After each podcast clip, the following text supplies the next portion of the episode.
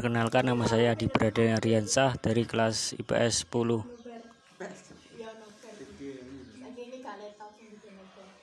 Bumi yang indah ini sangat diciptakan oleh Tuhan Yang Maha Esa untuk keperluan umat manusia.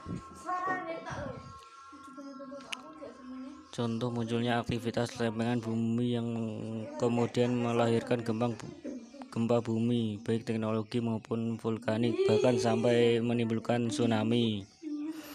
Teori terbentuknya bumi adanya banyak teori dan penjelasan tentang proses pembentukan bumi mulai dari mitos sampai pada penjelasan agama ini ilmu pengetahuan.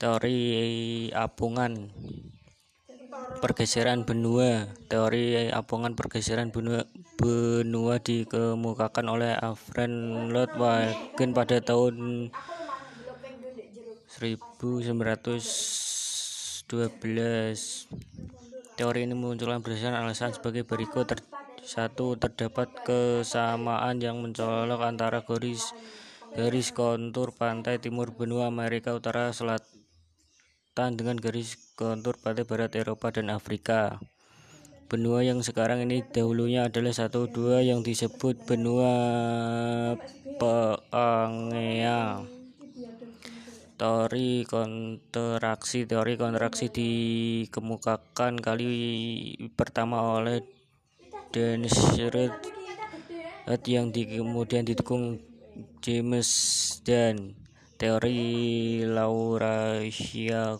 Gondwana teori Laurasia Gondwana dikemukakan oleh Edward pada tahun 1884 teori konveksi teori konveksi awalnya dikemukakan oleh Arthur Holmes dan Herha teori dari tim penelitian Amerika Serikat.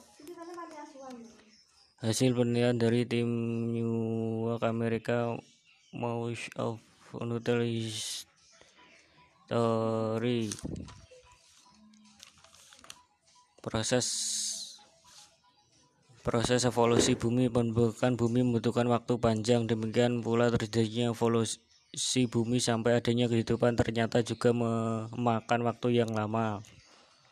Adapun evolusi bumi dimaksud sebagai berikut. Arkeakum Pelauzoikum Mausozoikum Neozoikum